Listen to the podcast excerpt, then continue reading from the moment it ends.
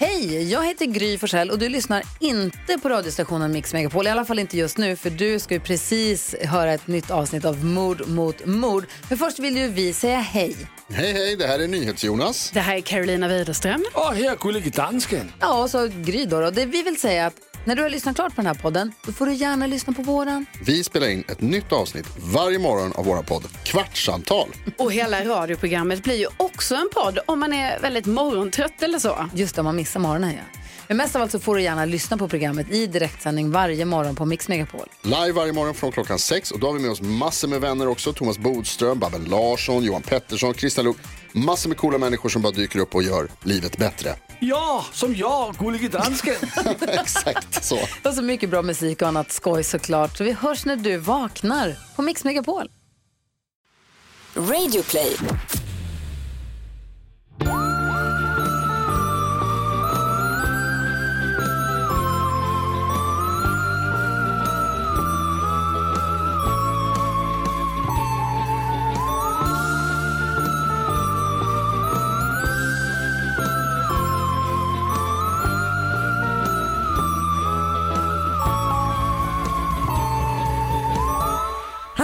Hallå? Vad snabbt vi körde igång. Ja, nu fan, nu river vi av. Nu river vi av den här Du, skiten. du har aldrig haft mer bråttom ifrån mig någonsin. Men jag, Jag hann inte ens hälla upp vatten. Jag hann knappt, jag hann knappt kommit från toaletten innan vi började podda. Men det var att jag, eh, kommer du ihåg innan du frågade mig om jag eh, ville ha någonting att äta? Du är hungrig. Ja. Du har ångrat dig. jag är verkligen Varför sa du inte rakt av det? Du kan få hungrig. en smörgås. Men jag ska laga middag när jag kommer hem sen. Vad ska ni äta? Ah, jag vet inte riktigt. Någon slags halloumi-sallad tror jag. Inte så skoj. Du, vad blir det för dig med det? Vi ska äta fish tacos. Mm. Okej, jag, jag ångrar mig. Jag stannar kvar. Jag gör, gör det. Det är Oskar som, Oskar har skickat en shopping, Oskar spelar paddel. Så han ska förhandla tänkte jag. Förra helgen spelade han tennis. Ja. Han är verkligen inne på de här racketsporterna. Han är faktiskt ganska duktig. Du vet Vi vad, hade- ingenting har förvånat mig mindre. Eh, Vi hade ju en tennislektion när han var min lärare i somras. Blir du störd eller kåt?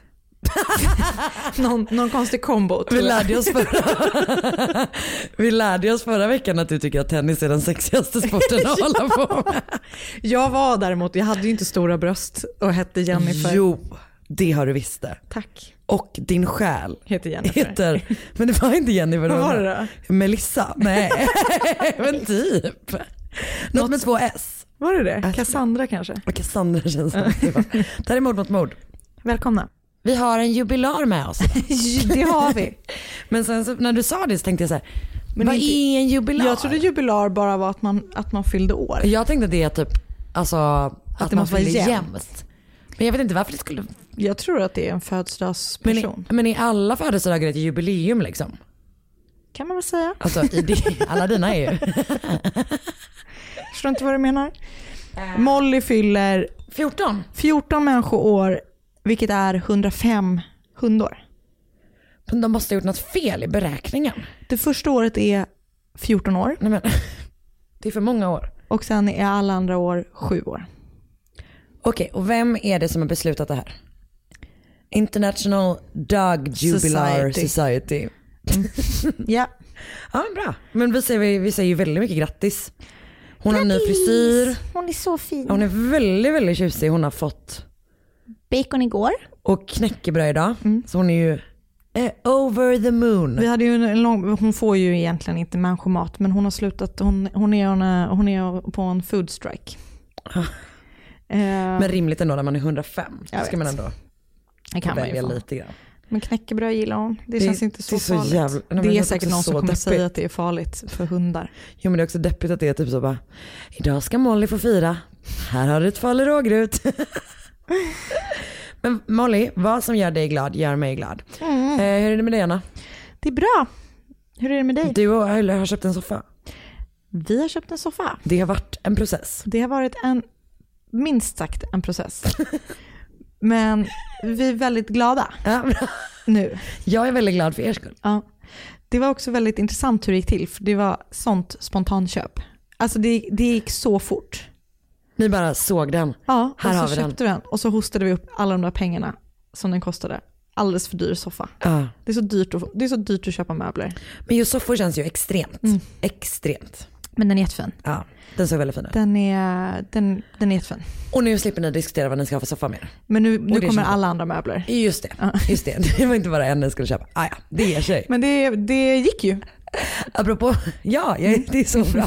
Apropå möbler så var jag tvungen att homestyla mitt hem Ja, idag. men jag vet, jag är så nyfiken på hur det gick. Jag, jag frågade ju när du kom, Ja. men du ville berätta för Ja, mig, ja, mig och ja. lyssnarna tillsammans. Exakt. Nej men för att men vi äger inte vår lägenhet men den hyrs, vi hyr till andra hand och nu ska den säljas av han som äger den. Men han bor inte här så vi, jag, vi, jag håller på med det där. Och Vilket idag gick, jag in, idag gick jag in med inställningen som var så här. idag ska jag göra lagom. För jag får ju sån prestationsångest. Men alltså, typ. jag, tänkte, jag tänkte så mycket på det, för det är så sjukt att du, att du håller, behöver rodda med det där. För Oscar sålde ju sin lägenhet när han hade den uthyrd Ja. någon. Men han bad ju inte henne göra någonting. Men han bor ju inte heller här. Nej jag vet, Men ändå, nej, men jag vet. ändå. Jag vet men vi, men vi får ju en soffa i betalning. Mm. så det är soft. Ja. Men han, det är ju å andra sidan bara bra för honom. Jag tänkte precis säga det, han vill väl bli- med en soffa. Ja, exakt. Ja, nej, I'm fucked. nej men då hade han inne någon sån stylist som var inne och satte dit olika, alltså han, de enda sakerna som fick vara kvar var ju saker vi hade fått i present. Mm. Allt som var våra tunga bort. men idag då som var mitt uppdrag efter, inför visningen, att få det att se likadant ut. Ja. Och vet du vad det kändes som? Det är skitsvårt. Det kändes som, kommer du ihåg i gamla Fab Five? På slutet av varje program när de Aha. filmade deltagarna när de typ så skulle styla sig själva Ja, och ja, fixa. ja, Och vet, ja, så ja. satte typ så fem män och roastade skiten ur dem för att de typ Men glömde de sätta på gör sig ju typ moisturizer. det lite fortfarande. Ja, fast nu är det inte lika uppenbart att det är så här, här är din uppgift, du ska Nej, laga den här nej. saken, du ska välja de här kläderna. Nej, det är sant. Så gjorde de alltid något fel och så är det typ att de bara oh god Nej, ja. honey no. Så kändes det. Det kändes som att den stylisten satt och kollade på mig när jag bäddade sängen. Jag vill, jag vill typ se bilder hur det såg ut. Har jag inte visat dig det? Nej. Okej men, ja, men det ska jag visa. Eller vill du visa hur det ser ut när jag gjorde det? Nej, det kan vara den här stylisten också. Jag bara, det, det är alltid så intressant tycker jag när man får se ett hem när det har blivit stylat av en mäklare. Alltså det är ju väldigt nedtonat. Ja. Det är liksom inte, han har inte gjort så himla mycket. Det är Nej. inte det att han har hällt lime överallt. Men jag gjorde en liten installation med lökar idag. det, det skulle jag gärna se bild på. Ja, ja men det kan, jag kan visa dig. Ja, för han hade gjort så med du vet, sallad och typ grejer men jag orkar inte gå och handla det. Nej. Varför Och jag vill, vill, jag ska också berätta, jag har också använt upp stylistens olivolja. så, jag måste, Med, med så rätta. jag måste kanske ersätta den. Men vad skulle jag säga, när Oscar sålde sin, då tömde de ju hela lägenheten på hans grejer och in med helt och hållet andra Ja. möbler. Men det, och det är förstört. Alltså det är så jävla vrickat. Ja, men också för att jag fattar, man vill typ inte att det ska vara för personligt för att då har man svårt att tänka hur kommer det se ut här? Fast den här stylisten hade så här, lagt fram ett par läsglasögon, du vet lite nonchalant på ett nattduksbord och sånt där. Nej, jag, det var vet. jättefint. Alltså, jag, ja, ja, men jag Men liksom, typ det blir jag... väldigt weird allting. Ja, plus att det blir också konstigt när alla lägenheter ser identiska ut på Ja. hela typ Hemnet. Jag vet inte, det är ju... Ja, men det var bara väldigt tydligt att som sagt att äh, de enda sakerna som fick vara kvar framme var sånt som vi har fått i present. För att när man ger någon någonting i present så är inte det typ så personligt. Nej. Alltså du vet, om jag ska köpa en, en eh, ljusstake till dig så kommer inte den vara helt sjuk. Eller? Inte om du köper den, men, Men om Marcus Marcus, köper den. för att han kan inte köpa något som inte är. Eh, nej men det var bara verkligen det som var min känsla. Att jag var en, fab, en person i gamla Fab vad Five roligt. som blev roastad av fem homosexuella män på distans. så kändes det. Medan jag klättrade runt i, i liksom, Åh, stressigt. Men för, det det är var just det att det ska se likadant ut på bilderna som stressar. För det höll vi på där med Oscar, i Oscars lägenhet också. Ja. Och så här, titta på bilden, Ja. okej det ser likt ut. Och sen ser det ändå inte riktigt likt ut. Nej men det är ju också, grejen är med bilder va, man kan ju manipulera. Det kan man. undrar om det kom många in. människor. Nu är det inte lika spännande eftersom det inte är er lägenhet. Nej, Men jag undrar ändå om det kom mycket folk. alltså det hade inte varit jättemycket eh, engagemang. Okej. Men jag vet, ja, ja. Ja, är det visning imorgon också? Ja. Så nu har ju han våra nycklar, jag var tvungen att gömma våra nycklar. Typ, ah, du Ja. Men, eh, Ah, gud, och förlåt, då, det här var ett tråkigt samtalsämne. Men det Nej, är jag tycker att det är, jag, ja, jag Och så flyttar ni till er nya lägenhet om typ två veckor. Det ska bli så kul. Det ska bli väldigt kul men också huh, Läskigt. och stressigt. Puh. Och sen flyttar ni kort därefter och vet du, ni flyttar den 20, 21 Mm. och samma dag. För det kommer jag på att det har vi inte sagt. Ska vi säga. Vi ska ju fan livepodda. I På, Stockholm. på, på, exakt, på poddfest. Ja. På Fotografiska i Stockholm. Den 21 februari. Nej, mars. Mars. Det ska bli så kul och eh, det, det får man ju köpa biljetter till eh, genom, alltså på Fotografiskas hemsida va? Ja, man kan också, googlar man på eh, Fotografiska poddfest 2020 så Ja. borde det komma upp. Och vi eh, får komma, återkomma med vår tidslott. Exakt. För det som är med poddfest är att det är svinmånga poddar som Det kör. verkar så härligt tycker jag. Ja, jag har varit där typ ett par gånger. Det brukar vara asmysigt verkligen. Vad härligt. Det är lite dåligt timing för mig för det är samma dag som jag flyttar.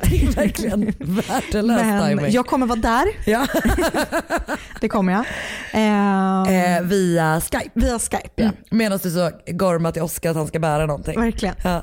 Nej, men det ska bli superspännande. Så där, då hoppas vi att alla som har vägarna förbi. ja, snälla kom och kolla på oss för de har ju nämligen gett oss en jättestor sal. Eh, Vi blev, först hade vi en lite mindre sal som kändes lite mer chill. Ja. Men nu de här, vi tänker att ni får den största. Så då behöver vi att ni kommer och kollar. Verkligen. För det är jättepinsamt när det bara folk. sitter som Mark Levengood-fans. Ja, och ta med Varför någon- jag tänker att han ska dyka upp. ska men- han podda? Nej, det vet du varför jag tänker att det Nej. är så. För att sist jag var på poddfest så var han med gäst i en podd som jag såg i den Ah. salen som jag tror att det är. Det var därför. Jag det förklarar det hela. Mm. Eh, och, och fotografiska, jag antar att museet har öppet som vanligt också så, man, kan ju göra någon slags så, kombo. Exakt, så köper man biljetter så kan man gå på Fotografiska, Ja. vilket alltid är svinnice. Så Det är väldigt snälla gör det. Och de 21 har väldigt god mat där också. Ja. Allt, allt, så allt bra. Så många vinster. Mm. Och sen kommer alla gå hem till Emma, äh, Emma kallar jag det för nu. Mm. Så kommer alla gå hem till Anna och hjälpa henne att packa upp sitt kök sen. Det vore super. Det ingår, Det ska bli väldigt det ingår i roligt. biljetten. Det, exakt. Bring your own eh, folköl. Eh, verkligen. Eh, Jag kan bjuda på något. Pizza. Jag gör bål. Du kommer göra en bål. Mm. Eh, det ska bli väldigt kul. Det kommer bli väldigt Mm. kul. Och ehm, Vet du vad som gör mig lite orolig? Det är att folk som inte har valt att lyssna på oss ska lyssna på oss. jag vet. Men ja, vi, vi ska lägga upp en strategi Jag för det här. vet. Mm. Men det tar vi sen Vi behöver det er. Vi behöver er. Eh, men Det var något annat jag tänkte som jag också skulle säga. Mm. Ja, Vad vad, tänkte du säga? vad vill du säga? Jag tänkte berätta en grej för våra lyssnare, som du vet ju redan. Som är det bästa som har hänt oss. Ja. Eh, för i juni Jag börjar gråta.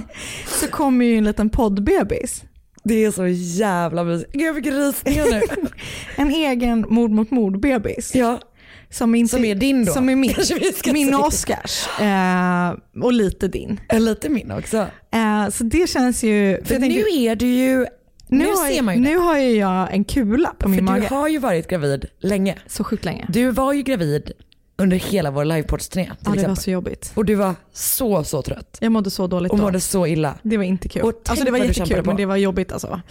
Eh, Men jag, för det känns ju som att det var ett annat liv sen. det, känns, det känns verkligen som ett annat liv sen. Men nu Men nu är det ser man ju. put här på magen. Det är så jävla mysigt. Ja, och inte så litet put tycker Nej jag. alltså det, det är fan, alltså, eller vet du vad, man, vet du vad jag skulle säga?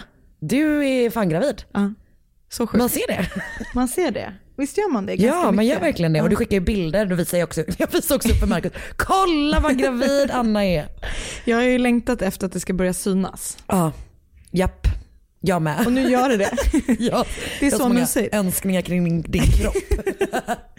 Eh, Så ni som kommer på poddfest får också se en redig kula. För det är om en månad så då har den vuxit Ah. ännu mer. Så juni, typ till midsommar va? Mm. Ja lite innan. Förhoppningsvis då. Ja, så du Beräknat. kan gå på snapsen på midsommar. Skoj. Exakt. Jäklar vad jag ska Du gillar snapsa. inte snaps. Nej. eh, så det blir kul. Men en tänk- liten flicka. Vår, min bästa vän Ja. och din dotter.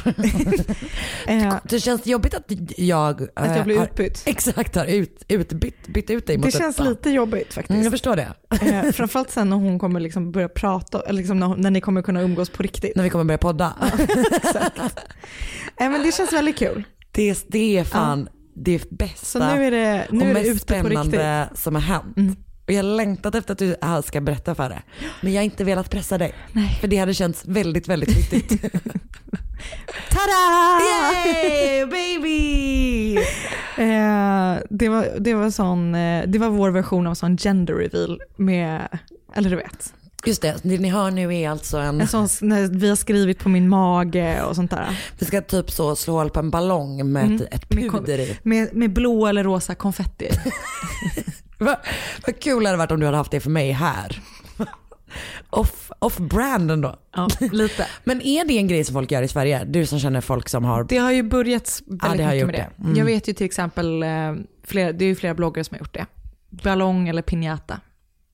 Det tycker jag, vet, vet båda de två tycker jag är konstiga som är så här, nu ska jag slå hål på någonting. Och nu här är vad, alltså förstår Det du som vad jag tycker menar? varit ganska En kul. act of violence. Ja, och jag, jag, tycker det, jag, jag tycker inte det är så, jag hade inte gjort det själv, Nej. ska jag säga. No judgment. Men det som har varit lite kul med några av dem är att de själva inte har vetat vad det är. Just det. Så att det är inte att de bara har berättat för andra, utan de liksom, Vill du berätta om ditt eget gender reveal party? jag var ju, ja, det var ju lite taskigt faktiskt. Jag var i Oslo och så hade jag fått, ehm, så loggade jag in på den här sidan. Vilket också känns så odramatiskt att man bara loggar in på en Jag sida vet, det är så redan- tråkigt. Och så man vill ha ett kuvert minst. Så måste man trycka på en knapp så här, vill du veta barnets kön? Liksom, tryck ja. Och så jag var tvungen, jag vågade inte trycka på ja innan jag frågade Oskar. Så jag sa Men du, här, för du var ju inte med Oskar Nej jag var själv i Oslo på jobbet. på ett hotellrum typ. Och så, så, jag, satt i, nej, jag satt ensam i ett konferensrum. eh, och så, så sa han, eh, okej om du måste. Och då så tänkte jag, jag måste. Hur lång tid gav det honom att svara? Han svarade jättefort. Ja, jo, men om han inte hade gjort det. Jag hade inte gjort det utan. Jag lovar att jag inte hade gjort det utan. Jag hade, inte, jag hade, fått, så, jag hade fått för dåligt Lyssnar Oskar fortfarande på den här podden eller? Eh, tveksamt. Ehm, och då fick jag reda på det och då skickade jag skärmdump till dig och Oskar typ samtidigt. och vi blev, men Oscar blev, jag, jag blev jätteglad. Jag blev Ah. jätteglad om det var en pojke också men det känns jättekul att det är en flicka. Ja, så skönt. Men Oskar var bara såhär, jag visste väl att det var en tjej. Okej, Kaxigt. verkligen. Det är också svårt att bestrida. Verkligen. Så länge man inte har liksom on the record. Fast han har sagt hela tiden att han tror att det är en tjej. Mm. Och jag har trott att det var en pojke hela tiden.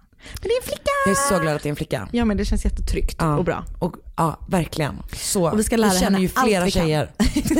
Vi är vi är tjejer själva och vi känner flera stycken och de är toppen. De är toppen. Och många av dem lyssnar på den här podden. Yay! Er känner vi inte, men vi gillar er. Ja, Ja, det var det som jag tänkte säga. nu börjar jag gråta igen. Ja, kul. Blir rörd.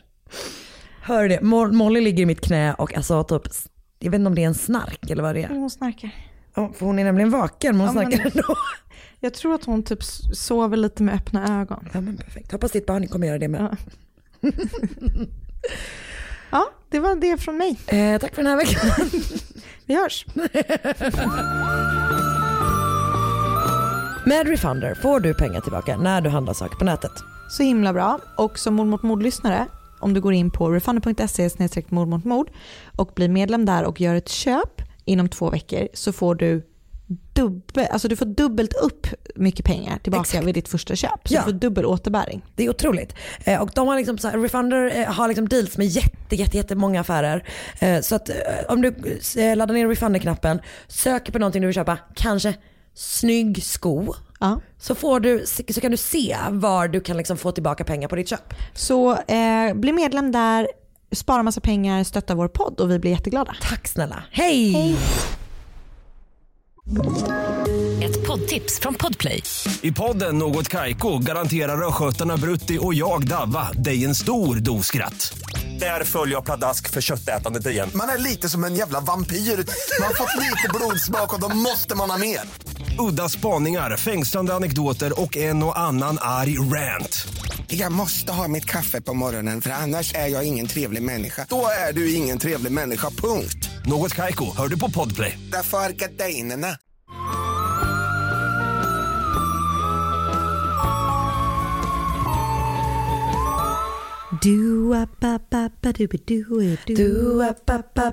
Du. Dagar kan passera fort som en våg på öppet hav. Yeah, yeah. På McDonalds koppla av. Jag kommer inte ihåg riktigt hur den går. Alla kommer tro att det här var en reklamslott nu. Det var det inte. Gud, också, alla kommer tro att McDonalds reklamslotts har gått ner i produktionskvalitet lite. Jag önskar att jag hade fått sjunga in. Jo men, I'm loving it. audition, kör nu. Okej. Vid elvasnåret på söndagsmorgonen den 31 augusti 2003 hittades den 22 år gamla Katie Sepic halvt avklädd och mördad i ök- en öken öster om Las Cruces i New Mexico av några som är ute för att typ träna prickskytte. Och den här öknen är en gammal eh, typ dumpsite av Jag slag. gillar inte öken. Öknar. Inte jag heller. Inte förtjust i det. Inte jag heller alls. Eh, kvällen innan så hade Katie varit med sin kille och några vänner på en fest i samma område för att fira Labor Day. Men hon har vid tre tiden på natten bestämt sig ehm, för att lämna festen på egen hand utan varken någon kompis eller hennes pojkvän. Ja. Och någonstans mellan festen och hennes eget hem som bara låg några kvarter bort så har då alltså något fruktansvärt hänt. Och ingen har sett henne efter att hon lämnade festen. Så Katie var då 22 år gammal när hon blev mördad. Hon föddes den 26 december 1980 i Carlsbad i Eddy County i New Mexico. Hon beskrevs av sin familj och sina vänner som en så här härlig och glad person som alltid hade ett leende på läpparna. Och hon eh, beskrivs, hon var tydligen så här superambitiös. Du vet. Hon började så jobba i familjeföretaget när hon var 13 år. Sen har hon så arbetat sig själv genom eh, eh, sin utbildning. Typ. Ah. Hon har precis gjort färdigt sin undergraduate när hon eh, blev mördad. Eh, och hon liksom planerade att fortsätta läsa en master i eh, antingen business eller marketing och media communications. Ehm, och hon brukade tydligen ofta säga wake up every day expecting something wonderful to happen. Som är typ motsats Till vad, till du, vad jag brukar till vad säga. Som bara undrar vad det är för skit som kommer hända idag varje morgon. men okej, men hon är så superpositiv, Ja. hon är så omtyckt, hon har mycket kompisar, hon är verkligen liksom så här, hon är söt, alltså du vet hon är verkligen Ja. en så här, sån, sån härlig tjej du vet som Och typ alla verkligen gillar. så på väg in i typ ett så här, en bra karriär och ett bra liv. Och liksom Exakt, så, precis ja. börja vuxenlivet. Och Ja. vet så. Ehm, hon har också så här, hon är jättetajt med sin, hon har ett syskon och hon är jättetajt med sina föräldrar och de har haft en så här härlig uppväxt, liksom, så här, fin och bra relation. Allting är liksom helt sådär, Toppen. toppen. Så hon, hon har då bott i eh, Carlsbad med sin familj och när hon bestämde sig för att pl- plugga då så flyttade hon, bestämde hon att hon ville åka, flytta till Los Cruces som är en liten studentstad i, också i New Mexico. Eh, och du vet, sån stad där alla kände alla. Och, så fast, och universitetet hade så här, väldigt stor närvaro i staden. Och det, det hette New, New Mexico State University. Och där kunde hon så börja testa vuxenlivet i en stad som inte var hemma men som ändå var så trygg och ganska liten och sådär. Innan hon typ Flyttade vidare. flyttade vidare. Hon älskade skolan och tyckte det var toppen liksom att så här, få påbörja det här vuxenlivet och hon hade mycket kompisar som sagt och sådär. Och ganska snart så träffade hon också en pojkvän. En kille som heter Joe Stoltz. Och de blir super, super kära. Och hon är liksom övertygad om att så här, this is the one verkligen. Eh, Så när hon då tar sin undergraduate 2003, så, ehm, och då är han också klar, Joe, med sin utbildning. Eh, Då, hon bestämmer sig för att hon vill fortsätta på New, State Mexico, nej, New Mexico State University och läsa sin master där istället för typ att byta universitet eller göra någonting annat. Och Joe bestämmer sig för att flytta hem och börja arbeta på eh, hans familjs företag. Okej, Så de får då pendla. pendla liksom, så en distansrelation. Eh, men det verkar ändå vara bra fortfarande så.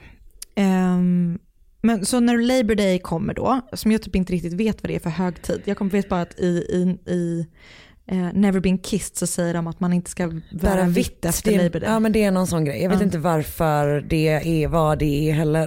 Men det, det får är någon sån på. never wear white after Labor Day. när, när på året är det? Eh, sommaren. Får man inte ha vitt på sig? Vänta nu, hittade jag på det där precis? Nej, augusti. Men då är det kanske att det, då är sommaren över. Ja, det kanske är något sånt ja. Men Labor är det ingen så liksom arbetardag? Jo, men det känns ju som det. Att det är liksom, Ska jag göra en snabb? ja vi kanske ska det. Så att eftersom ingen av oss vet, förutom att man inte ska ha vitt efter den, så kan vi ändå bättra på kunskapsdag. Eh, exakt. Ehm, den firas första måndagen i september. Helgdagen grundades i USA av Knights of Labour 1882. Eh, bla bla bla. Ja, det är som eh, arbetardagen första maj. Ja. Men det känns ju inte som att det är, första maj har ju ändå liksom politiska förtecken. Det känns inte som att, eller det är i alla fall inte det man, det är väl mer bara sån national holiday känns det som. Ja. Eller att det har blivit Men det det. står att den firas istället för den internationella arbetsdagen. Första- första maj. Ja. Eh, Okej, Det kanske är massa demonstrationer och sånt bara att man typ aldrig ser det. nej.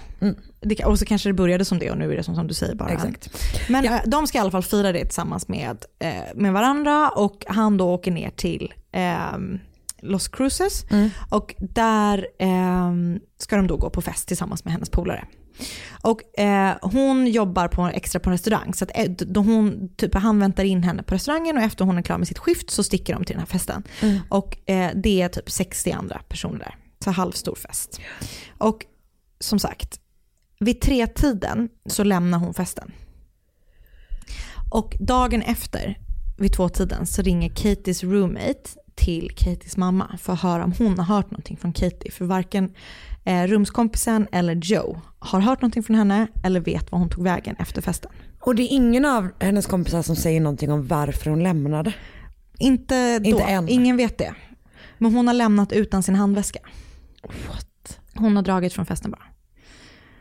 Okej. Och, så de vet ingenting. Eh, Det tänker jag att man bara gör av två anledningar. Antingen för att man typ är mitt i ett bråk. Eller superfullt. Ja, exakt. Eh, hjärtat. Så att de blir såklart skitoroliga. Och liksom tänker också föräldrarna som är så här i en annan stad. Du vet.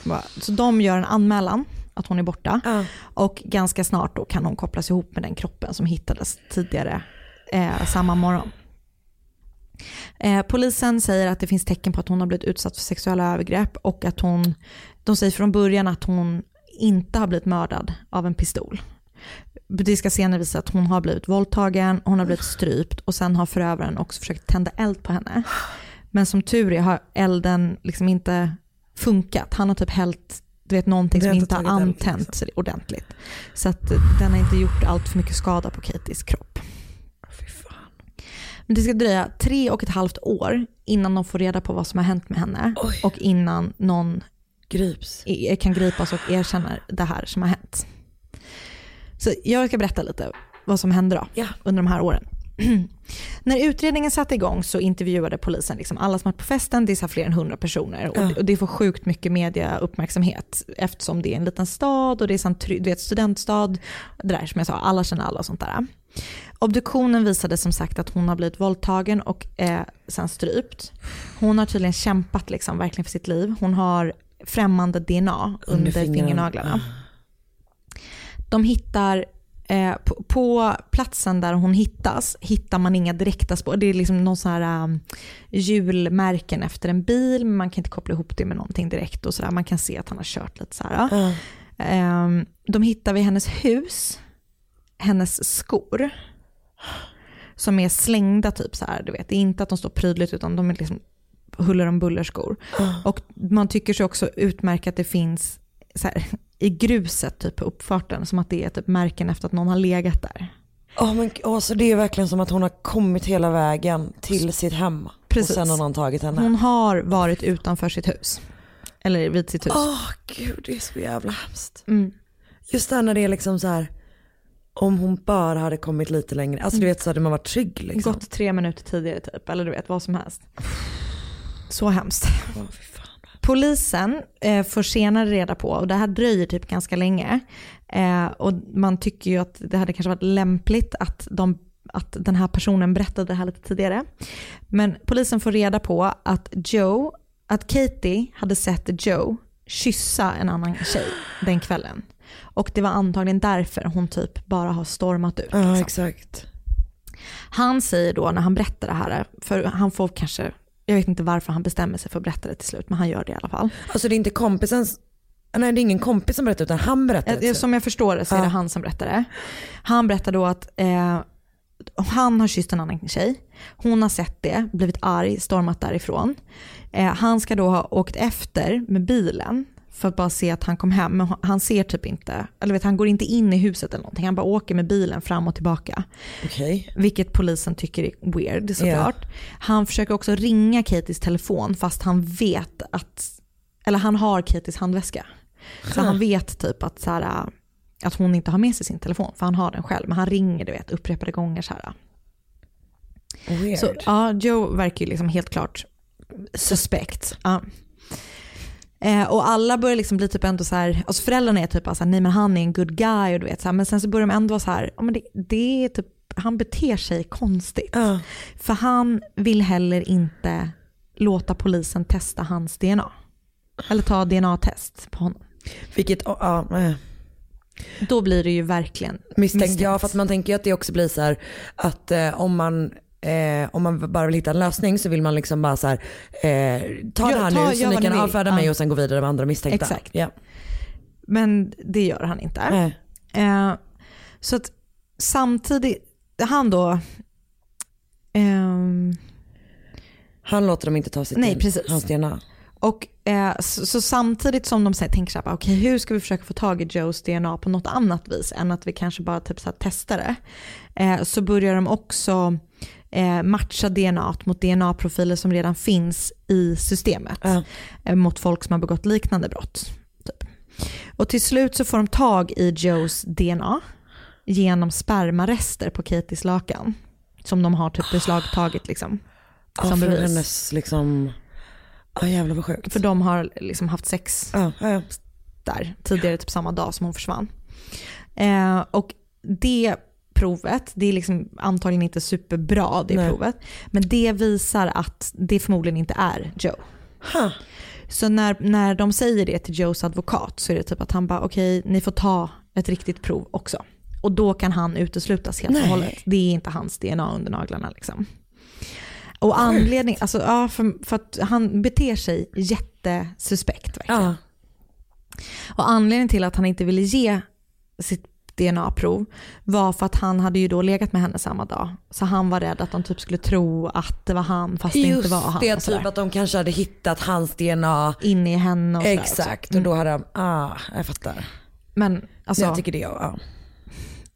Men, Men- ja, men- om man är men- på väg att bli, man är rädd att man är på väg att bli dömd, oskyldigt dömd för ett Exakt. brott så Då- man är vet man ju väl inte helt nej. rationell heller säkert. jag tänkte säga det, man, jag tänker känns som att man hamnar, blir, handlar sjukt irrationellt typ vid sådana tillfällen. Ja. Men det är i alla fall inte Joe.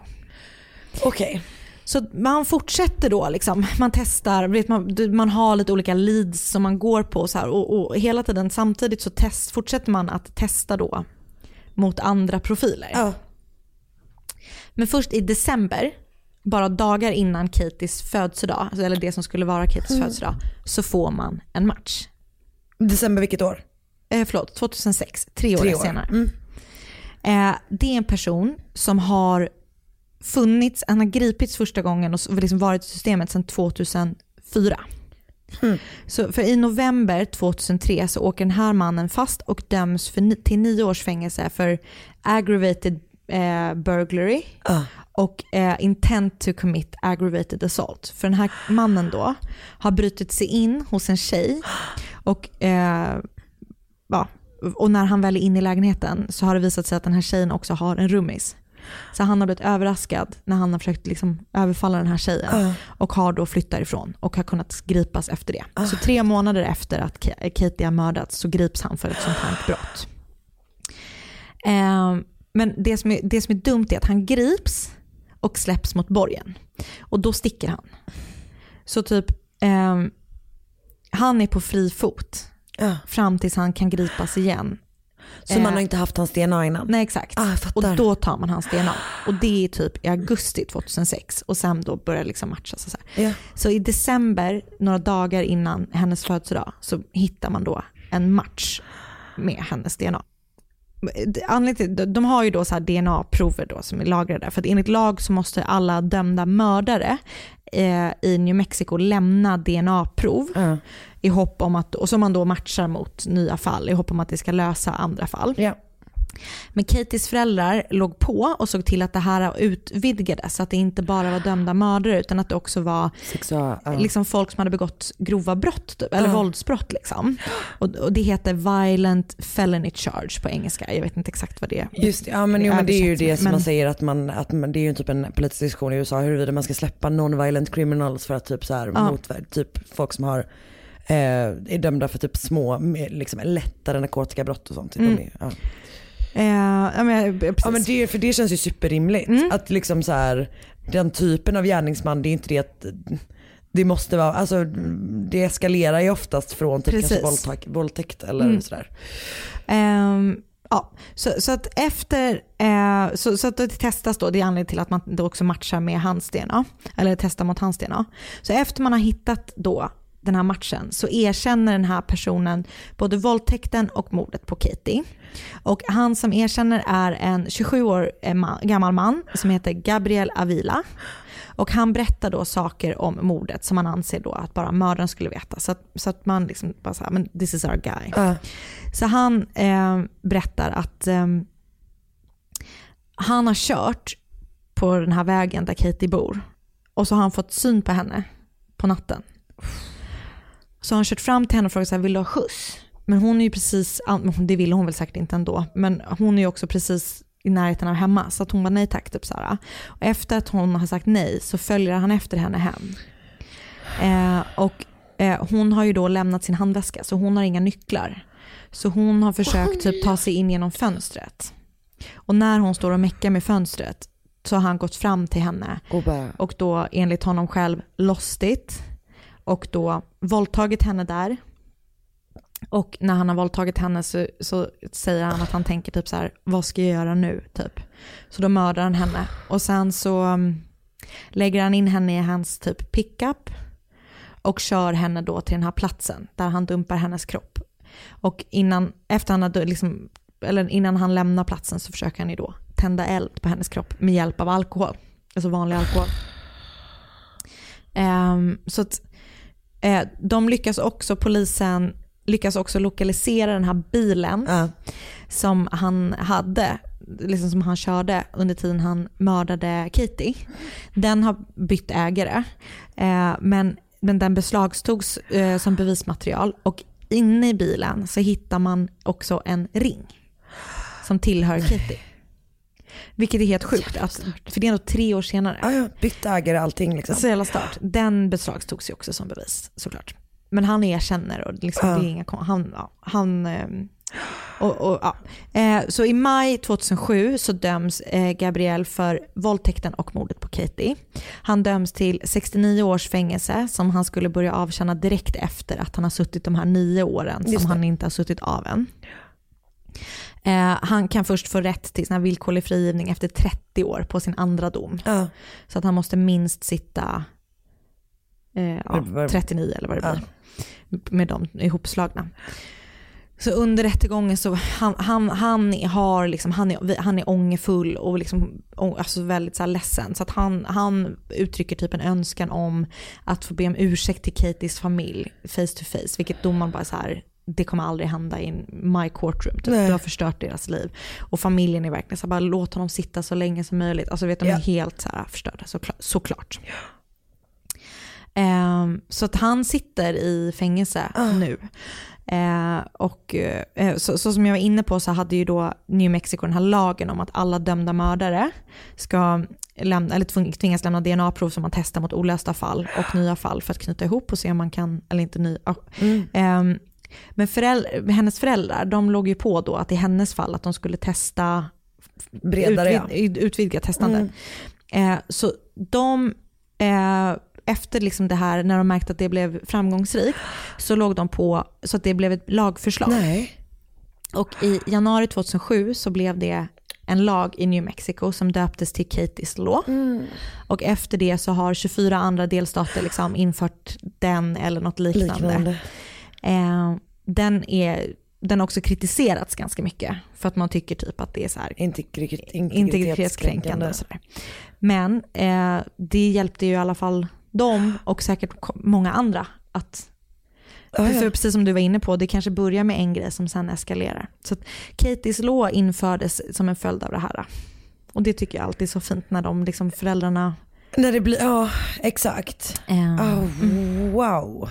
mm. Så det, det var mordet på Katie Se- Sepich. Det är den där grejen du vet när det är så lite, alltså det är ett sånt litet fönster som förändrar allt. Allt. Och det gör en, det gör en fan panikslagen Ja. tycker jag. Det är så jävla hemskt. Åh, Och jag har hjärta. framförallt sett en, eh, en dokumentär om Ja. det här som heter Real Truth Crime, The College Killer. Eh, som finns på YouTube. Ja. Eh, och sen eh, ABQ Journal En, eh, och så Murderpedia såklart. Ah. Mm. Hemskt. Jättehemskt. Mm. Tack.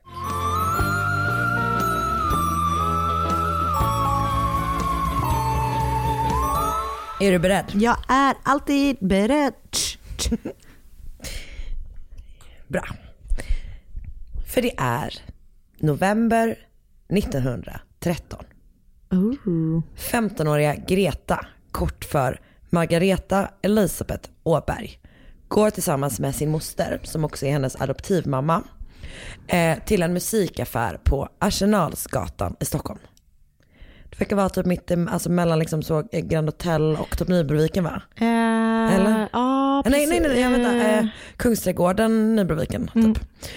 Eh, ja, där någonstans i alla fall ska hon gå till en eh, en musikaffär. Mm. Och Greta har sex biologisk, biologisk, biologiska syskon.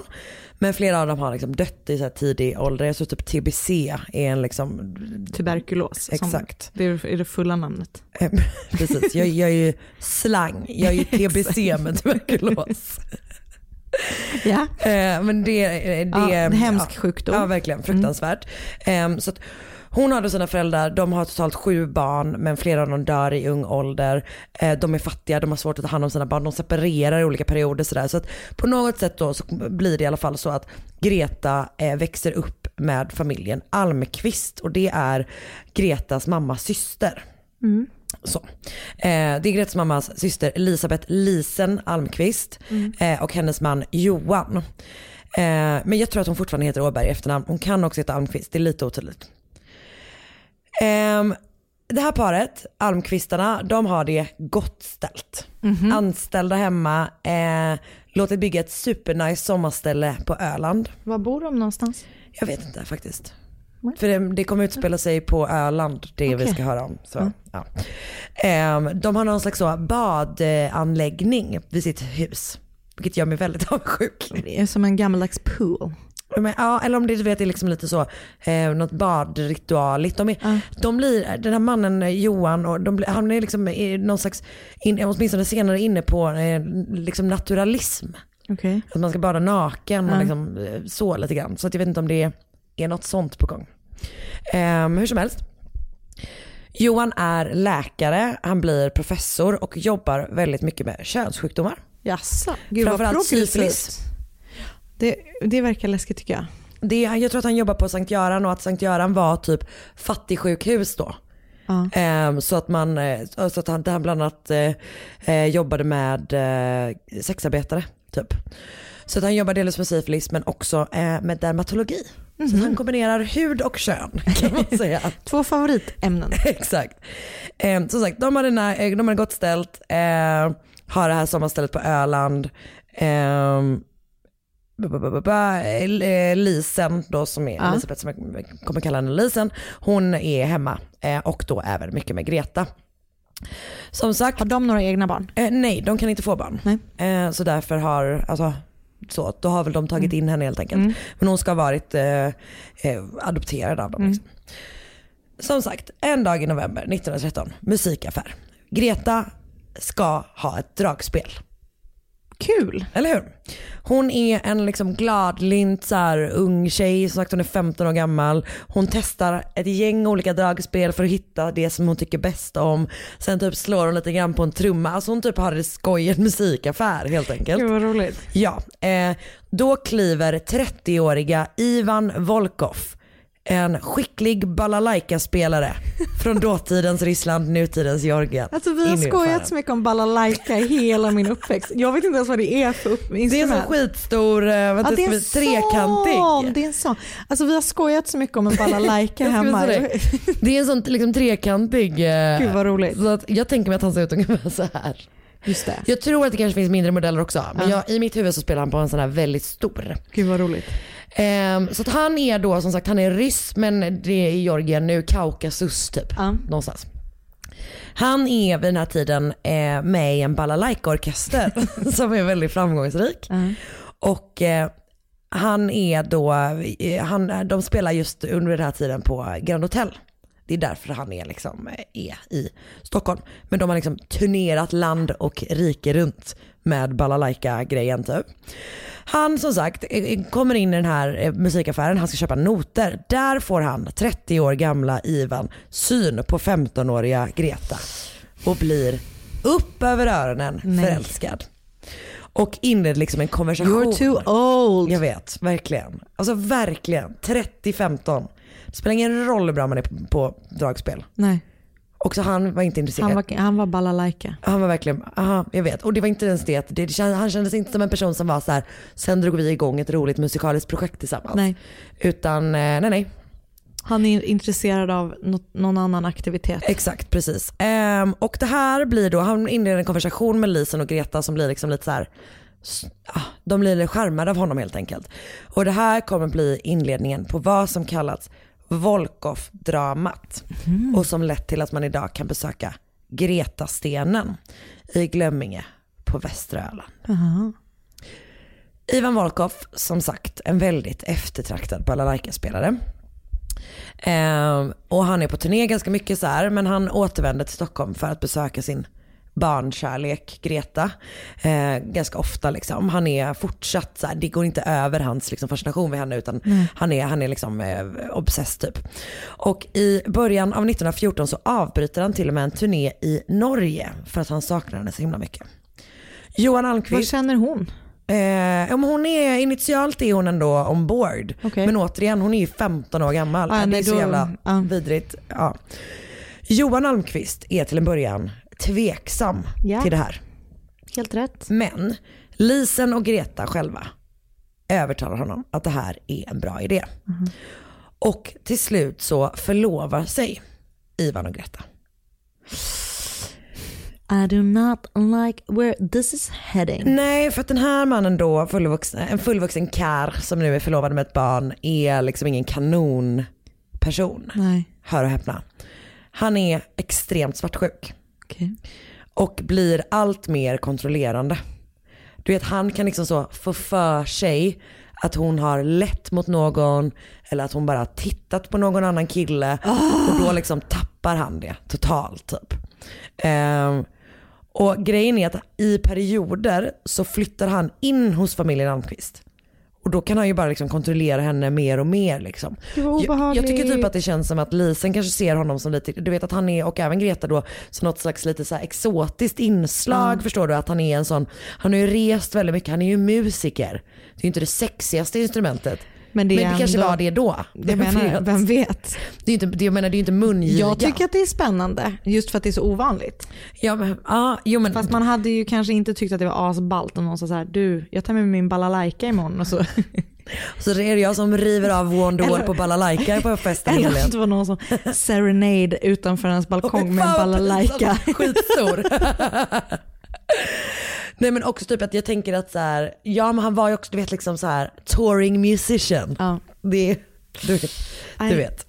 Så han bor under vissa perioder eh, hos dem och beskrivs eh, som linnig. ja, så beskriver man en... Ett as. Ja. Ett redigt jävla as. Ehm, och hans beteende blir liksom allt värre. För att då försöka få bukt på hans beteende så tar familjen med sig honom till sommarhuset vid Stora Rör på Öland. Okej, Man tänker att lite lantluft ska jag kan, är, ska ju, hjälpa till. det är sånt som man, man, man trodde ju också att det var bra att dricka brunnsvatten och sånt förr i tiden. Mot sin så eh, toxic masculinity.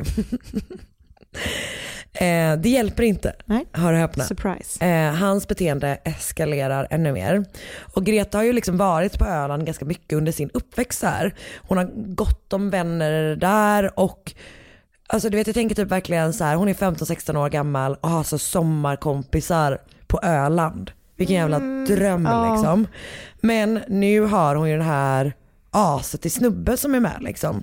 Som, han hatar ju typ att hon har kompisar i allmänhet men typ också framförallt killkompisar. Det går alltså så långt att han kräver att Lisen ska börja utföra kontroller Okej. för att eh, säkerställa att Greta fortfarande är oskuld Nej, nej, nej. när hon liksom kommer tillbaka från att ha hängt med sina kompisar. Lisen gör inte det, men det är liksom ändå, det är där vi är i level of enormt kvinnohat. Efter sommaren så åker man tillbaka till, till Stockholm och nu har ju då första världskriget brutit ut. Ja. Det är väl Den typ lilla grejen. juli 1914 eller någonting Mm. kanske. Hittade på. Men sommaren 1914 i alla Mm. fall. Och då stänger man ju gränserna. Mhm. Så han kan ju inte, Han är fast. han är liksom fast i Sverige nu. Och eh, som sagt han bor hos familjen Almqvist ibland och ibland inte. Men han är i alla fall inte ute och turnerar utan han är i Stockholm då. Och när sommaren 1915 precis ska börja och man då ska tillbaka till det här sommarhuset på Öland så försöker Gre- Greta, Lisen och Johan att få Ivan att stanna kvar i Stockholm. Mhm. För att de är fucking less på honom. Mm. Men han vägrar. Han ska följa med till Öland. Ja. Som sagt, Greta är otroligt trött på den här jävla snubben och hans beteende. Och hon har liksom så här, som sagt hon var ju intresserad av honom initialt typ, men hon har tappat tålamodet totalt och är nog både liksom rädd men också bara arg och Mm. trött och liksom så här ehm, uppgiven känns det som. Men du vet att man bara, ah, så är du här? Jag, för, Alltså så känns jag det vet som. precis, jag kan tänka mig precis hur hon känner. Att man går upp på morgonen och så bara, åh är du här? Ja. Sitter vid köksbordet, spelar balalaika. Åh, Gud, alltså fy fan vad hemskt. Alltså fy vilken skräck att inte bli av med en person på det där vet, sättet. och när man är så liten. Och just den känslan av också så här, att ens föräldrar inte kan skydda en måste Nej, vara hemskt. Alltså, fruktansvärt verkligen. Ja. Ja. Ja, det är vidrigt verkligen. Eh, Men de åker då liksom eh, till Öland och hon hänger runt med sina sommarkompisar typ. Badar, har kul så här. Men grejen är att hon har också träffat en ny kille. Okej. En eh, citat ung medicinare i Stockholm. Mhm. Och hon är väl, om hon är 16 eller 17 nu då. ehm, och är då på Öland så hon börjar skriva brev Mm. till sin nya kärlek. Gulligt. Där hon bland annat uttrycker hur extremt trött hon är på Ivan. Mhm. Bland annat skriver hon så här. Men de är fortfarande förlovade, hon och Ivan? Ja men jag, grejen är att jag vet typ inte hur liksom offentlig den här Nej, förlovningen nej. är men det beskrivs som att de är förlovade. Ja. Ehm, så, så jag vet, men jag vet inte om det liksom är så här, de har ju inte, till och med de har ju varit förlovade typ ett tag nu och de är inte, verkar inte vara på väg att gifta sig. Nej. Så jag vet inte om det är mer än så, du vet, trolovade. Ja. Känns som, eller Mm, liksom, ja, det är oklart liksom. Men hon skriver i alla fall den här underbara roasten Mm. av Ivan. Han liknar verkligen fan själv vet du. Man kan bli riktigt rädd. Jag trodde inte en människa kunde se så ruskig ut som han. Riktigt sluskig. Fy katten. Inte badar han, det är för kallt. Han pudrar och sminkar sig och sover till klockan 12 på dagen. När han inte har puder och smink i ansiktet ser han ut som en 50-årig gubbe i ansiktet. Gud vad roligt. Jag vet, jag gillar. Mm. Så det skriver hon till liksom så här, ja, den här fucking jävla snubben. Ehm, problemet är att Ivan får tag på ett av de här breven. nej. Han hittar ett brev där hon har skrivit, alltså du vet som avslutas med typ att så här, ja, du vet tusen hälsningar och kyssar, alltså Mm. du vet liksom så. Och det gör ju då honom ännu mer galen. Såklart. Alltså han har ju varit en galen person Mm. redan tidigare och har, det har egentligen inte spelat någon roll vad hon har gjort för han har ju ändå trott att hon har varit så här. Men nu har han väl liksom bekräftat då ehm, att, det liksom, att det är så här. Alltså, fan vad trött man blir. Jag vet. Och nu börjar man liksom bli, folk i huset blir mer och mer rädda. Mm. Och grejen är att det är Greta, Lisen och sen tror jag att de har en typ en till eh, liksom väninna där och sen Mm. så är det ju folk som, liksom, som jobbar för dem som är där också. Johan har åkt tillbaka till Stockholm för att jobba. När det händer en grej. För de vet inte att Ivan har tagit med sig en pistol till Öland. Och samma kväll som han har hittat det här brevet så låser han in sig på sitt sovrum med en flaska sprit och börjar supa loss. Sen skjuter han ett skott i taket på sitt sovrum. Alltså fattar du hur störd den här Alltså, personen är? De ska ångra den där dagen de gick in i den där musikbutiken för att köpa ett Ett fucking dragspel. dragspel, jag vet. Han rycker av telefonledningen till huset. Läskigt. Hotar med att tända eld på huset. Sen tvingar han Greta, Lisen och deras kompis lyssna på när han spelar balalaika maniskt i flera timmar. Du skämtar. Jag orkar inte. Alltså han spelar manisk balalaika. Fy fan. Han avslut, slutar bara för att ta sig, för att dricka mer sprit. Och sen bara spelar han. Jag vet inte hur det låter. Ehm, när han har Vilken gjort skräck. det så går han tillbaka in i sitt rum, skjuter tre skott till i taket och väggarna. And calls it a night. Varför ringer de inte polisen? Jag vet verkligen inte. Man kanske gör det. Ja, jag vet. Ja, jag vet han har, ja, nej det är oklart. Ehm, Greta får i alla fall efter det här en, annan, en kompis att smuggla ut ett brev till, som sen, hon, kompisen sen skickar till Stockholm, till den här kärleken. Liksom. Och där skriver hon bland annat. Häromkvällen var han alldeles vild. Han skulle tutta eld på villan och skjuta sig och mig. Han var så drucken att han knappt kunde gå och revolven hade han i handen och sköt i sitt rum och ute så vi höll på, höll på att bli galna. Dagen därpå var han som ingenting hade hänt. Vilket också är så jävla obehagligt. Ja. Alltså folk som har gjort något helt stört på Och sen fyllan. bara, god morgon. Ja. Det tycker jag är så är jävla skitkonstigt, obehagligt. ja. Japp. För det känns som att de är så bra på att dela upp sina liv. Mm. Att de bara, nu trycker vi undan det men man vet aldrig när det kommer komma fram Nej, igen. fan. Johan Almqvist får höra om det här och känner väl ändå att jag kanske ska åka tillbaka och kolla jag. till. Man kan också tycka så här, fan, jag förstår att han är farlig och har liksom ett vapen. Mm. Men som sagt, ring polisen, släng ut honom. Alltså du vet liksom, jag, fan, Ja, bort med verkligen, honom. han måste ju ut på något vis. Ja exakt. Eh, men efter då Johan har kommit så lugnar det ner sig ett tag förstås eftersom han, då har det ju kommit en man till huset. Men den 7 juli 1915 så åker Johan tillbaka till Stockholm. Och lämnar återigen Lisen, Greta och de andra i huset Nej, nej, nej. med Ivan Volkov. Och morgonen den 9 juli är Greta och Lisen på väg till en bekant i Glömminge för att dricka kaffe. Och de går liksom på en eh, liten väg där och där möter de Ivan. Ivan har varit och köpt cigg. Och det sägs att det, det ska vara på morgonen men jag vet inte, det verkar som att han är full redan då liksom. Det känns som att han är full hela tiden. Ja, exakt. Och det finns liksom lite olika beskrivningar av det som hände sen. Men han börjar i alla fall bråka med Lisen om Greta. Okej. Och du vet såhär, du måste kontrollera henne bättre, bla bla bla. Eh, det här. Du har ingenting att säga till om Nej, nej, Ivan. nej. Åk hem. Och hem. Ta, gör, bygg Ta om. din stora trekantiga gitarrväska och försvinn härifrån. Verkligen, bygga om den till en båt. Ro iväg. Inga problem. Ehm, men han börjar i alla fall bråka med Lisen som sagt. Och en av historierna är typ att så här, när han börjar med det så är Greta med. Och då gör hon typ en grimas och säger tvi. Du hör ju, Greta har ju verkligen fucking ledsnat. Men en annan eh, liksom, historia från samma tillfälle är att hon har glömt något i huset så hon springer tillbaka. Okej. Och är därför liksom inte, på, inte riktigt med när den här situationen börjar urarta. Typ. Nej. Oavsett så vet vi att Ivan tar upp sin pistol och skjuter precis framför Lisens fötter. I marken typ. Ja, alltså precis framför hennes fötter. Och Lisen blir jättechockad liksom och hon faller ihop. Alltså du vet så här vid fallet i marken. Ja, av chock. Ja exakt. Och typ så här skriker till honom bara skjut inte Greta. Volkov kommer senare i rätten då säga att Greta skrattade åt honom när han hade skjutit framför Lisen. Men då så. Ja också det. Man bara, just det. Den grejen som är att det värsta som kan hända är att någon skrattar åt den. Men också så här, det är klart att hon inte gjorde det. Han hade precis skjutit, alltså Ja, ja, nej, nej. det är ju bara i hans liksom, huvud. Jag tror att det är bara en efterkonstruktion av, som användes för, av försvaret för att förklara det som hände sen. Eh, för att det som händer är att han rusar fram mot Greta och skjuter henne fyra gånger. Två gånger i ansiktet, en gång i bröstet och sen har han ett skott som liksom touchar högra höften typ. Han skjuter henne alltså på en meters avstånd Jävlar. och hon dör direkt liksom.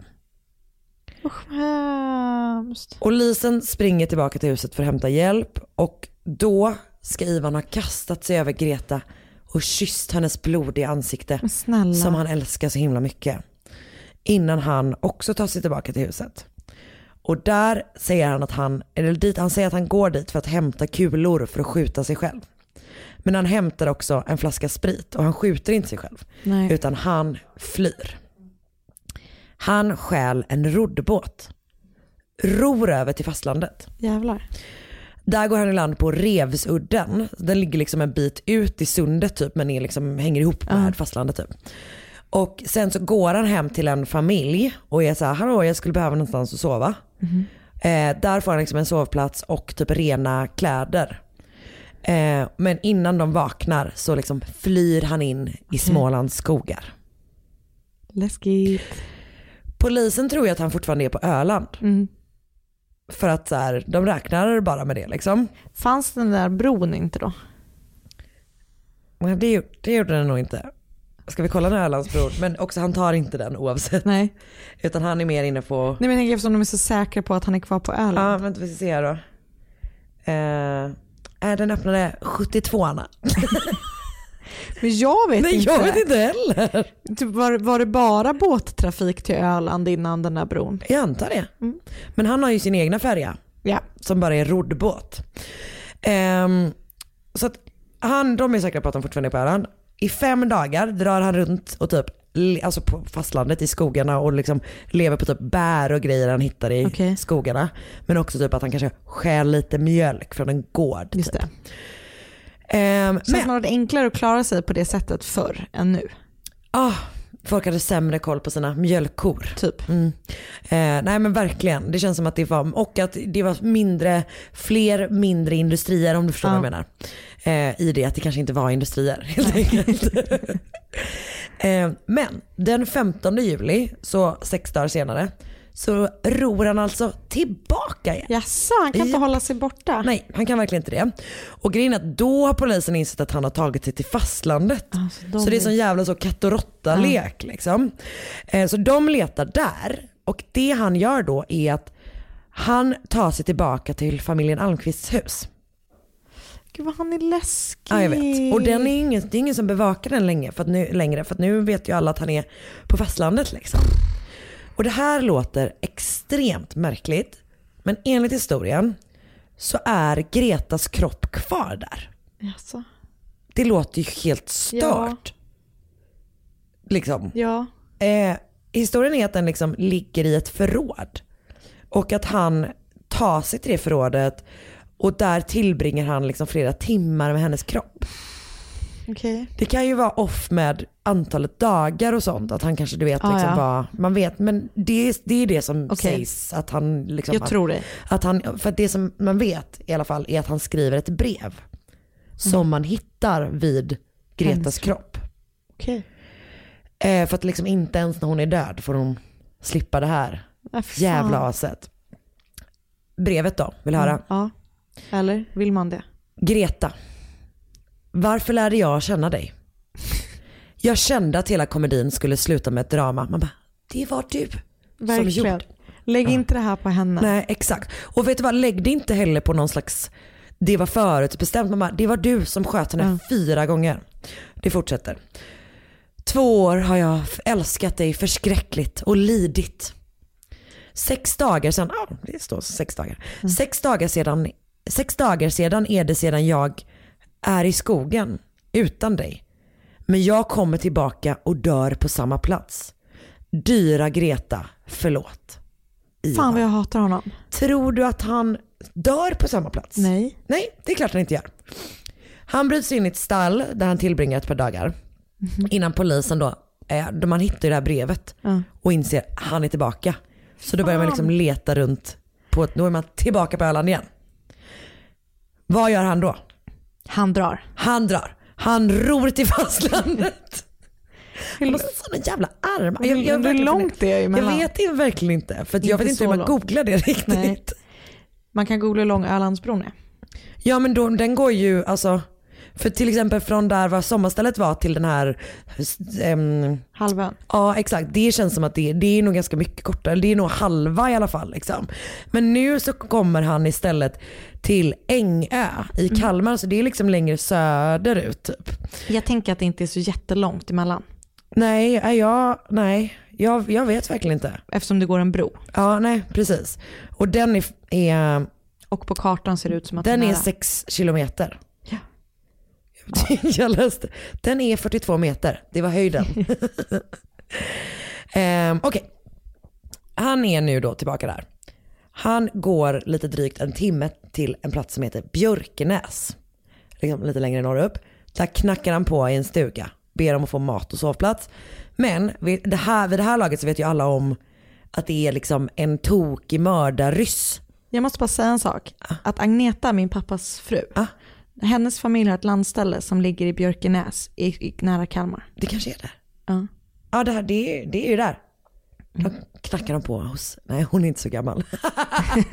Nej, hon- Knackar på hemma hos Agneta 1915. Jag minns det som det vore igår. men ändå. Ja ändå. Ja men då är det är där han är. Ja. Där ehm, så är de så här, de, nu är ju alla medvetna om att det drar runt en, liksom en, en, eh, en ryss som har mördat Ja. ett barn i den här liksom i, i bygden. Läskigt. Så att, delvis att han, eh, ser, alltså man ser ju på honom att han har levt i en skog Ja. i en vecka. Och utan Eh. sitt puder så ser han ut som en 50-årig man. Exakt. Men han, han har ju också rysk dialekt Ja. som kanske inte alla har vid det laget. Det tror jag inte. Man vet inte. Eh, så att det som händer är att han blir avvisad, att de bara nej tyvärr och sen så tar de kontakt med polisen och säger så här, nu har han precis varit här. Ehm, sex länsmän, citat, ett stort antal poliser, 200 militärer och ett helt gäng frivilliga Jäklar. letar efter Ivan. Till slut hittar man honom. För att han är så himla trött att han har somnat i ett dike, Nej, kanske full eller? jag skulle säga det. Han är packad. Han är har verkligen rakt ut packad.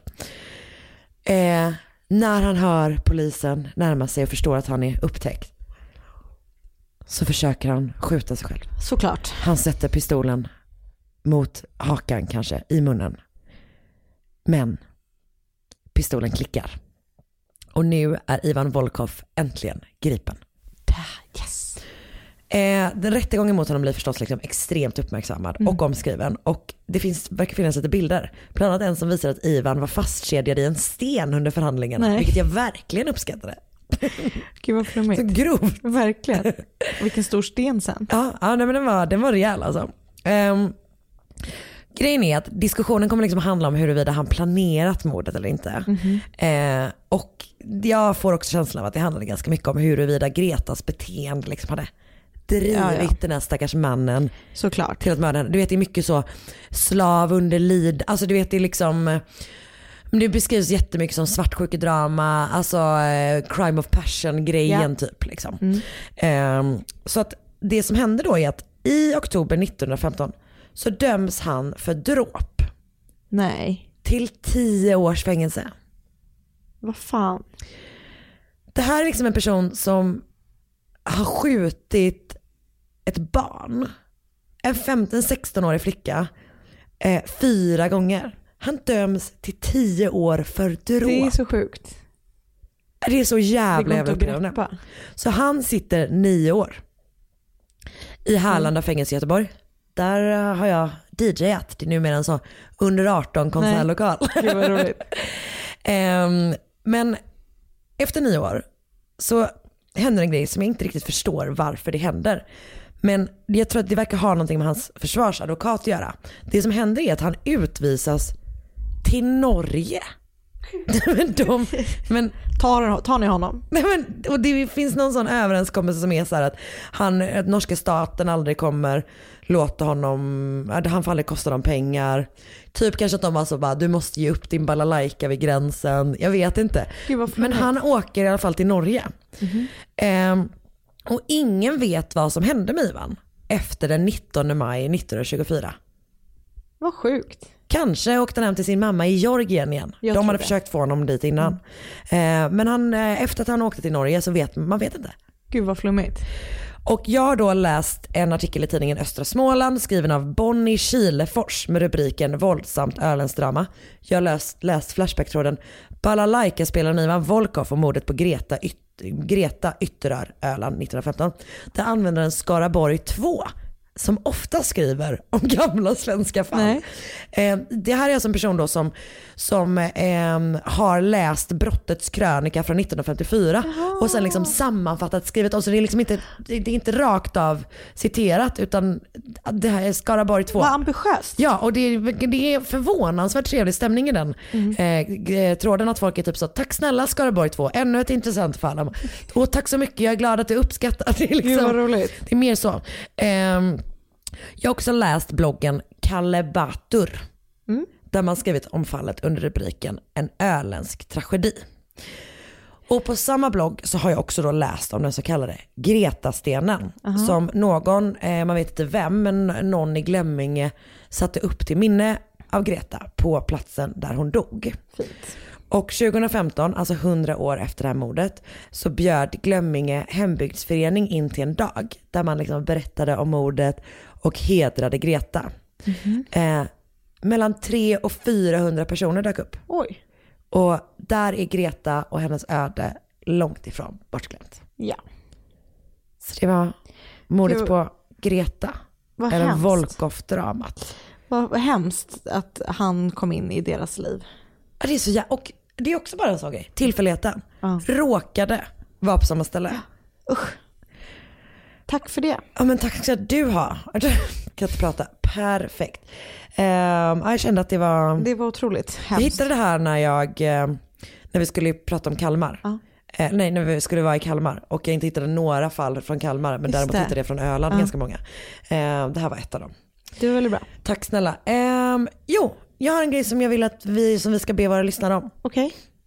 Vi ska be dem om att gå in och skriva en snäll recension eller ge många stjärnor till oss på iTunes. Ja. För det har vi blivit tillsagda att det spelar roll av eh, de som hjälper oss med den här podden. Vi vet inte riktigt varför. Gör det bara. När vi gör det så blir vi jätte, jätteglada. Verkligen. Eh, och ni kan gå med i vår Facebookgrupp, Mord mot mord podcast. Eh, önska gör man på Instagram, eh, att Sandell Anna, att Karin Londre. Ehm, Vi hörs. vi hörs! Hej från oss fyra. Hej då! Ett poddtips från Podplay. I podden Något Kaiko garanterar östgötarna Brutti och jag, Davva, dig en stor dos skratt. Där följer jag pladask för köttätandet igen. Man är lite som en jävla vampyr. Man har fått lite blodsmak och då måste man ha mer. Udda spaningar, fängslande anekdoter och en och annan arg rant.